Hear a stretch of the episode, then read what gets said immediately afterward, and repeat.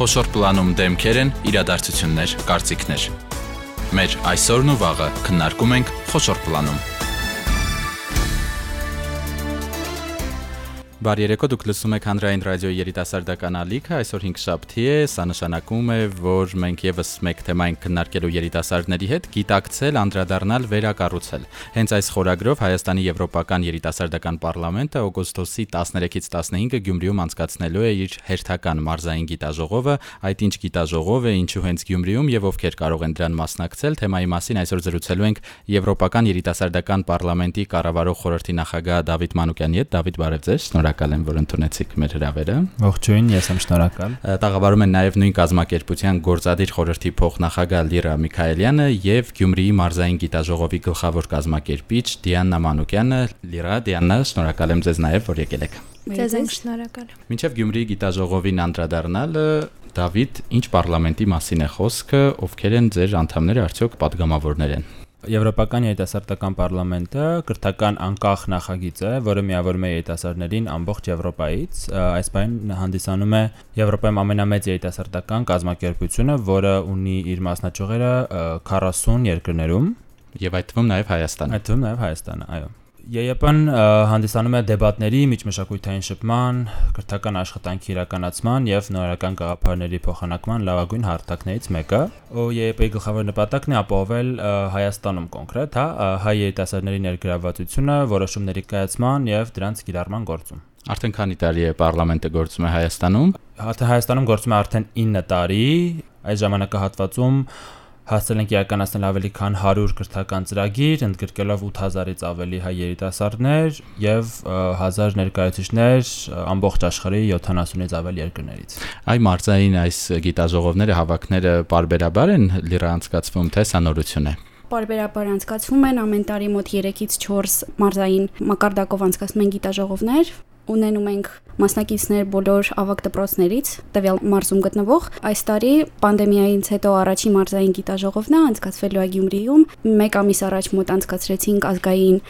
մակարդակով գիտաժողով Երևանում։ Ինչքանով են հետաքրքրված դպրոցականները, երիտասարդները ձեր առաջարկած թեմաներով, գիտաժողովներով, ինչ արդյունքների եք հանգում դրանց արդյունքում։ Շատ հաճելի է տեսնել, որ բավականին հետաքրքրված են, ինչպես նաև իրանց ուսուցիչները, որոնք ամեն ձևով փորձում են նպաստել եւ օգնել մեզ, որ երիտասարդները միանան ծրագրերին եւ փորձում ենք միշտ ընտրել լավագույն մասնակիցներին, ում կարողանում ենք ուղարկել հետո ազգային մակարդակով գիտաժողովների, իսկ եթե ազգային մակարդակով գիտաժողովներին լինում են էլի ունենում են բարձր առաջադիմություն առաջադիմություն ուղարկում ենք արդեն արտասահման Հայաստան ներկայացնելու հասկանալի է հիմա հենց Գյումրիից խոսենք ինչու է այս տարի ընտրվել Գյումրին եւ ինչ է արվելու այնտեղ Ձիաննա դուք եք միջոցառման պատասխանատուն կարելի ասել խնդրում եմ մանրամասնել այո իհարկե ընտրվել է Գյումրին քանի որ թեմատիկան հիմնականում մշակութային է եւ Գյումրին լինելով մշակութային կենտրոն մտածեցինք, որ շատ համահունչ կլինի թեմատիկայի հետ։ Խորագիրը, ինչպես նշեցիք, գիտակցել, անդրադառնալ վերակառուցելն է եւ ակադեմիական թեմաները նույնպես այս թեմայի շուրջ են լինելու որոնք քննարկվելու են 5 խմբերով եւ այնուհետեւ որոշվելու է արդյոք դրանք անցնում են թե չեն անցնում ընտրությունը այնուհետեւ ներկայացվում են տեղական ինքնակառավարման մարմիններին ինչ ֆորմատով է լինելու բոլոր հանդիպումները միաժամանակ թե ամեն օր ինչ որ մի թեմա է լինելու Դավիթ ինչ ինչպես է պլանավորել անցկացնել այն Իրականում մեր գիտաժողովները բավական ինտերակտիվ են անցնում ունեն հստակ ձևավորված արդեն ընթացակարգ կոնֆերանսի առաջին հատվածը դա լինում է team building-ը, այսպես ասած, հա, որտեղ կոմիտեներով երիտասարդները հավաքվում են, ծանոթանում են, թիմ են ստեղծում։ Հաջորդ հատվածը դա արդեն խմբային աշխատանքներն են, որի ընթացքում ամեն կոմիտե քննարկում է իր սպეციფიկ թեման եւ փորձում է խնդիրներին լուծումներ առաջարկել եւ երրորդ հատվածը դա տեղի ունենում միաժամանակ։ Եվ կոնֆերանսի ամենավերջին հատվածը դա գլխավոր ասամբլեան է, որտեղ պարլամենտական ֆորմատով յուրաքանչյուր կոմիտե ներկայացնում է իր կատարած աշխատանքը, լինում են դեբատներ եւ վերջում քվեարկություն։ Եվ ինչպես Դիանան նշեց, առաջարկները, որոնք հավանություն են արժանանում մեծամասնության կողմից, արդեն ուղարկվում են տեղական ինքնակառավարման կառավարման մարմիններին, իսկ տարվա վերջում մենք նաև ուղարկում ենք այդ նյութերը Բերլինում գտնվող մեր կենտրոնական գրասենյակ, որը իրանք հետագայում ներկայացնում են Եվրոպայի խորհրդի, Եվրոպական միության մարմիններին որպես երիտասարդության կարծիք տարբեր հարցերի շուրջ։ Այդ ամենահետաքրքիր հատվածն է հետագայում ինչ է լինում։ Լինում են որոշումներ, որոնք հենց հիմնվում են երիտասարդների առաջարկների վրա Այո, լինում են, քանի որ ամեն ինչ ինչ որ որոշվում է երիտասարդների կողմից, հետո լավագույն մասնակիցները, ինչպես նշեցի, գնում են արտասահման եւ արտասահմանում տարեկան կատարվում են 3 ամենագլխավոր կոնֆերանսները, որոնց ժամանակ ամեն բոլոր լուծումները արդեն միշտ ուղարկվում են եւ հաշվի են առնվում Եվրոպայի խորհրդի կողմից։ Նաև այդ 3 կոնֆերանսների ժամանակ դեսպանատներից միշտ լինում են ներկայացուցիչներ, որոնք մասնակիցների հետ զրույցներ են ունենում եւ քննարկում են բոլոր լուծումները։ Դավիթ հետաքրիր է մեր տեղական ինքնակառավարման մարմիններ ինչքան վնե պատրաստական նման միջոցառումներ հյուրընկալել, լսել երիտասարդների կարծիքը բավական պատրաստական են լինում մեզ օժանդակել միջոցառումների իրականացման հարցում եւ հիմնականում հատկապես մարզային գիտաձողովների եւ պրոյեկտների ժամանակ միշտ ստանում ենք մարզային տեղական ինքնակառավարման մարմինների օժանդակությունը, որը մեզ շատ օգնում է, քանի որ ոչ միշտ են լինում կազմակերպիչներ հենց տվյալ մարզից,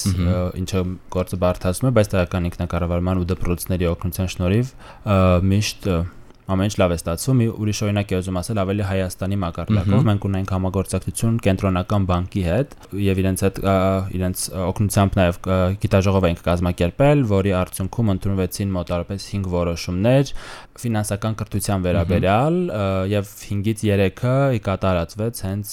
կենտրոնական բանկի կողմից, այսինքն երիտասարդների առաջարկը որոշումը իրականություն դարձավ։ Այո, Այսինքն Հայաստանում նույնպես ունենք նմանատիպ փորձ։ Շատ լավ է։ Դիանա, խոսենք մասնակիցներից, ովքեր կարող են մասնակցել, ինչ պայմանների պետք է բավարարեն եւ գիտեն, որ հիմա հայտադիմումները բաց են, ուր պետք է դիմեն։ Այո, հենց հիմա հայտադիմումները բաց են, կարող են դիմել մինչև ամսի 24-ը։ Հիմնականում թիրախ համարում ենք Գյումրվա երիտասարդությանը, ավագ դպրոցների ուսանողներին եւ մեծամասնությունը այնտեղից են ելնելու, սակայն նաև կա բաց հայտադիմում, կարող են դիմել Որտեղ է տեղադրված հայտադիմումը, ինչպես գտնել։ Մեր Facebook-յան էջում Եվրոպական երիտասարդական պարլամենտ EYP Armenia կարող են մտնել, ծանոթանալ հարցերին եւ դիմել մինչեւ ամսի 24-ը։ Այ ինչ պայմաններ են, ինչ հարցերի են պատասխանում, թե ով դիմի կարող է մասնակցել։ Հիմնականում հարցերը շատ բարդ չեն, շատ հեշտել չեն, լրացնում են մի քանի անձնական տվյալներ կոնտակտների համար, պատասխանում են մոտիվացիոն հարցերի, որպեսզի հասկանանք թե ինչու է մարդը հետաքրքրված եւ ուզում։ 1-2 գիտելիք հստուկող ինչ որ հարցեր կան, այսինքն որպեսզի հասկանանք ինչ ինչքանով է մարդը տեղեկացված այն թեմաներից, որոնք քննարկվելու են, եւ սովորաբար վերջում ունենում ենք մեկ հատ կրեատիվության հարց, որպեսզի տեսնենք թե ինչքանով է մարդը պատրաստ տուփից դուրս մտածել, որովհետև այն հարցերը, որոնք քննարկվում են, իրականում շատ երկար ժամանակ արդեն քննարկվում են ու պետք է ոչ ստանդարտ մտածելակերպ, որպեսզի կարողանալ իրոք նոր մոտեցում, նոր լուծումներ առաջարկել այդ հարցերի համար, դրա համար դա եւս խրախուսվում է։ Կուզենայի հենց կենտրոնանալ այդ հարցերի վրա, ձեր խորագիրը շատ իմ դուրը եկել է, գիտակցել, անդրադառնալ, վերակառուցել, ինչ են գիտակցելու, վերակառուցելու եւ ինչին են անդրադառնալու երիտասարդները։ Շատ լավ հարց է ինձ թվում դա մի քիչ ինդիվիդուալ է օրինակ եթե մեզ մոտ դիմում են մի քիչ ավելի շատ փորձով մասնակիցներ իրանք նայում են իրանց նախքին փորձին կազմակերպության հետ եւ դրա հիման վրա արդեն նշում են իրանց մոտիվացիան որն է շարունակել կազմակերպությունում մասնակցել եթե մասնակիցները ավելի նոր են, իրանք ավելի շատ կենտրոնանում են թե ինչ են ուզում սովորել, թե ինչ փորձ ունեն նմանատիպ կազմակերպությունների հետ եւ ինչպես կուզեին տեսնեին մեր կազմակերպությունը ավելի կտարբերվի ուրիշներից։ Ահա Խնդրեմ դա։ Ինչ վերաբերում հենց կոնֆերանսի թեմաներին, հա, այսինքն ինչ են գիտակցում, գիտակցում են նախկին այն հարցերը, որոնք կան քննարկում են, գիտակցում են նախկինում ինչ է տեղի ունեցել արդեն, իսկ ինչ որոշումներ են կայացվել, ինչ է տեղի ունեցել, անդրադառնում են, այսինքն անգլերեն լավ խոսք կա reflect, որովհետեւ փորձում են վերլուծել, հասկանալ ինչա տեղի ունեցել եւ վերջում վերակառուցել, այսինքն փորձում են նոր մոտեցում ցուցաբերել ինչ որ տվյալ խնդիրը լուծելու համար։ Այսինքն խնդիրները երիտասարդներն են առաջ քաշում, թե նախապես կա արդեն այս խնդիրը, այն խնդիրը, այն խնդիրը։ Խնդիրները արդեն ձևավորված են կոնֆերանսի բորդի կողմից, բորդը դա նախագահնա կոնֆերանսի երկու կամ երեք փոխնախագահների հետ։ Նրանք մեր հետ միասին UIP Armenia-ի որոշում են որոնք են խնդիրները, որոնք ամեն կոնֆերանսի ժամանակ քննարկվելու են։ Արդեն հայտնի է դա։ Այո։ Թեմաներն են կրթությունը, մշակույթը, քանի որ Գյումրին մշակույթային մայրաքաղաք է, նաև քննարկում են լինելու սոցիալական հարցերի շուրջ, այսինքն Գյումրին որպես երկրաշարժից հետո բավական դժուժած քաղաք, բավական սոցիալական լուրջ խնդիրների առաջ եւս կանգնած այդ հարցերը եւս քննարկվելու են, նաեւ քննարկվելու են բնապահպանական հարցեր, այսինքն թեմաներ 5 թեմա է եւ ամեն մի թեման մի առանձին ճյուղ է իրենց ներկայացնում։ Այս կոնֆերանսին կարող են նաեւ դրսից մասնակցել, պատրաստ եք հյուրընկալել արտասահմանցիների Դիանա նրանք որտեղ պետք է դիմեն, ինչ պետք է անեն։ Արդեն մասնակցում են մեր official-ների խմբում, կան մարդիկ Բելարուսից, Ուկրաինայից, Գերմանիայից։ Դելեգատներ նույնպես հյուրընկալում ենք, կրկին կարող են դիմել այցելելով մեր Facebook-յան եւ Instagram-յան էջեր։ Հայտը բոլորի համար բաց է Հայաստանից թե Եվրոպայից կարող են գալ համանախապակումները, աստորեն չեն խանգարում միջազգային կոնֆերանս անցկացնել Հայաստանում Սահմանափակումները մի փոքր բարթացնում են իրավիճակը, բայց անհնարին ոչինչ չեն դարձնում, այսինքն հիմիկվա կանադրությամբ այդքան էլ բարդ չէ Հայաստան ժամանելու համար, ուղղակի անհրաժեշտ է լինել կամ պատվաստված կամ ունենալ տեստ, բացական տեստ երկիր մոտ գործելու համար, այնպես որ մի քանի ավել քայլ է դա ինձ ենթադրում, բայց այն մասնակիցները, ովքեր իրոք ցանկանում են ներկա գտնվել, դա նրանց հաստատ չի կանգնեցնի։ Ենթադրում եմ, եթե կան միջազգային մասնակիցներ, աշխատանքային լեզուն պետք է լինի անգլերենը, սա փաստորեն նախապայման է, որին դիմելիս պետք է երիտասարդներ ուշադրություն դարձնեն։ Այո, եւ նույնիսկ եթե չեն լինում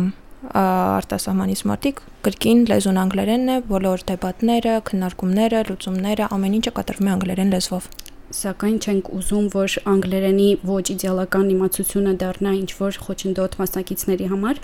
մեզ ընդհանրապես պետք է միջին մակարդակի անգլերեն, որ բոլոր մասնակիցները հարմար իրենց կան արտահայտվել անգլերեն, եթե բոլորը շատ լավ չեն խոսում անգլերեն, երբեք խնդիր չի, որովհետև ամեն թիմ ունի իր լիդերը, որը միշտ պատրաստ է օգնել ու մնացած մասնակիցները միշտ ուրիշ մասնակիցներին օգնում են ինչ որ թարգմանությունների հարցում։ Դավիթ Հա, Այսինքն նաև ինքը շատ լավ հարթակի հենց անգլերենի հմտությունները զարգացնելու համար եւ երբեմն հիմնականում մարզային գիտաժողովների ժամանակ մենք ունենում ենք building wall, հա, երկլեզու համակարգ, այսինքն հիմնականում բացատեղտերը կազմում են անգլերենով, բայց քննարկումների որոշ հատվածներ կարող են անցնել նաև հայերենով թիմի լիդերի օգնությամբ մոտ 80 մասնակից, չէ, գալու է Գյումրի կամ Գյումրիից է հենց միանալու, մի քիչ տեխնիկական հարցերից խոսենք, ինչպես է ապահովելու նրանց գիշերակացը որտեղ են մնալու եւ ենթադրում եմ, քանի Գյումրիում են, դուք նաեւ նախատեսում եք մշակութային տուրեր, այցեր, ուր են գնալու, ինչ են անելու երիտասարդները իրականում գիշերակացի հարցը շատ տարբերվում է կախված գիտաժողովից եւ գիտաժողովի մարշտաբներից այս անգամ մենք մասնակիցների մի մասին ենք տեղավորելու հյուրանոցներում իսկ այն մասնակիցները ովքեր հենց ապրում են Գյումրիում կամ շրջակա միջավայրներից իրանք ուղակի կմնան իրենց տներում առավոտյան քանի որ կոնֆերանսը 3 օր է տևում առավոտյան արդեն կգան այնտեղ որտեղ իրականացում է կոնֆերանսը իսկ ինչ վերաբերվում է մշակութային ասպեկտին պատրաստում ենք ունենալ մեկ հիմնական մշակութային կոմպոնենտ, որը մենք կոչում ենք Euro Concert, որի ժամանակ մասնակիցները ներկայացնում են իրենց տաղանդները, դա կարող է լինել երգեցողության, բարի, ասմունքի, տարբեր բաների տեսքով ու հիմնականում որ մարզում որ անցկացնենք փորձում ենք նաև ներգրավել կոնֆերանսի ոչ մասնակից երիտասարդների, ովքեր եւս ունեն տաղաններ ու դա իրենց համար հարթակ կհանդիսանա, ինչ որ հանդիսատեսի առաջելույթ ունենալ, փորձեր բերել։ Նաեւ պլանավորում ենք արտասահմանից ժամանած մարդկանց համար ինչ որ տուրի նման փոքրիկ բան կազմակերպել, որպեսզի նրանք նույնպես ծանոթանան, ոչ միայն գան մասնակցեն կոնֆերանսի, այլ նաեւ ծանոթանան միջավայրին եւ բոլոր Սպոսաշրջային հնարավորություններ ենթադրում եմ իրենք էլ իրենց մշակույթն են ներկայացնելու այդ Euro concert, ճիշտ եմ ասում։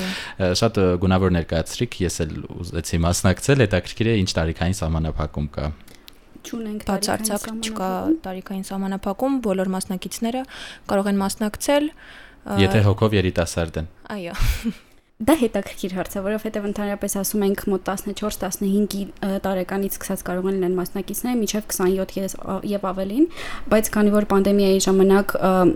իսկական կոնֆերանսներ չէինք ունենում, on-line մակարդակով էինք անում եւ on-line տեսանք, որ ավելի տարիքով ավելի մեծ մարդիկ էին մեզ միանում։ Ահա եւ վերանայեցիք ձեր քաղաքականությունը։ Այո, որովհետեւ բավականին հետաքրքիր է նայել ինչպես են 17 տարեկան մարդիկ շփվում ավելի մեծ տարիքային խմբի հետ։ Ընկերներ նշեցիք մինչև ամսի 24-ն է հայտերի ընդունում, այսինքն 2 օր է մնացել, ինչպիսի ակտիվություն կա, ասացիք տարբեր երկրներից արդեն դիմել են, հետաքրքիր է ներ հայաստանյան ակտիվությունը, երիտասարդները հետաքրքրված են։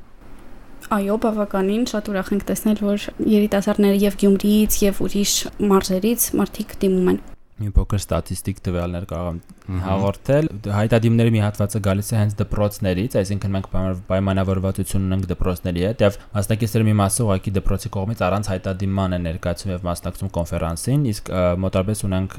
25-ից 30 տեղ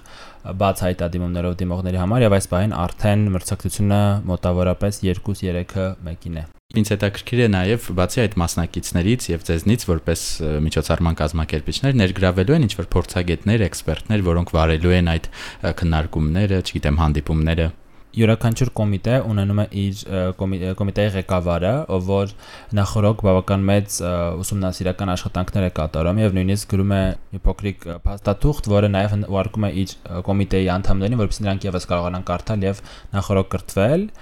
բայց բացի այդ յուրաքանչյուր կոմիտե ունենում է իր էքսպերտը, ով որ քննարկումների ժամանակ 1-2 ժամով այցելում է հենց տվյալ վայր, որտեղ քննարկումներն անցկացվում են ու պատասխանում է մասնակիցների հարցերին արդեն ավելի պրոֆեսիոնալ մակարդակում։ Կարող ենք ասել, որ ֆորմատը հնարավորինս մոտեցված է հենց պարլամենտական ձևաչափին եւ փաստորեն 2-3 օր երիտասարդները իրենց ճակերտավոր ասած падգամավորներ են զգալու։ Այո, կարող ենք, որովհետև հենց եվրոպական երիտասարդական պարլամենտը աշխատում է եվրոպական պարլամենտի մոդելով եւ փորձում ենք ամեն ինչ նմանացնել, որ մարդիկ կարողանան ֆորմատին ծանոթանալ հնարավորինս լավ։ Շատ լավ, Պաստորեն Օգոստոսին եւ մեր նորընտիր parlamentin է գործի հանցնելու եւ երիտասարդական parlamento կարելի է այդպես ասել Գյումրիում իր տարեկան գիտաժողովն է անցկացնելու։ Փոքրիկ լրացում էլ կուզենայի անել, քանի որ Հայաստանը ներկայումս աշխատում է parlamentakan համակարգով, սա եւս կարևոր է, որովհետեւ ճիշտ է մենք վերցնում ենք որպես հիմք եվրոպական parlamento, բայց ընդհանցակարգերը շատ հաճախ նույնն են եւ հայկական մեր ազգային ժողովում եւ եվրոպական parlamentum, այսինքն երիտասարդները մասնակցելով նաեւ ընկալում են եւ հասկանում են թե ինչպես է օրենսդիր մարմինը աշխատում Հայաստանում, ավելի լավ պատկերացում է կազմում եւ այսինքն հետագայում դա եւս իրենց համար օգուտ է։ Չէ քաղաքականացնելով մեր զրույցը, այստեղ չեմ կարող չհարցնել, կապ կա մեր օրենսդիր մարմնի հետ, այսինքն ձեր միջոցառումների կամ ինչ որ որոշումների դեպքում երբևէ եղել է հանդիպումներ կամ իրենք երիտասարդներին ընդունեն իրենց մոտ կազմակերպությունը բացառապես ոչ քաղաքական է, բայց համագործակցություններ լինում են համ ոլորտային, օրինակ վերջերս մենք ունեինք կլիմայի փոփոխությունների վերաբերյալ կոնֆերանս եւ համագործակցում ենք համապատասխան նախարարության հետ, ունեցել ենք կոնֆերանսներ, որտեղ միջազգային կոնֆերանսներից մեկը 3, որ լինում են ամեն տարի Լիռան արդեն նշեց 2019 թվականում անցկացվել է Երևանում եւ Հայաստանում տեղի ունեցած ամենամեծ երիտասարդական կոնֆերանսն է, որ մինչ այսօրս եղել է եւ դա անցկացվում էր վարչապետի Բարսուր Հովանու ներքո։ Այսինքն քաղաքական ինչ որ ուղղվածություն կազմակերպությունը ունի, սակայն կառավարման մարմինների հետ որպես հենց մարմին համագործակցություն լինում է, որովհետև մասնակիցները եւս հետաքրքրված են շատ եւ մեր նպատակներից մեկն էլ հենց դա է, որպեսզի երիտասարդները ավելի լավ հասկանան, թե ինչպես են Հայաստանում պետական եւ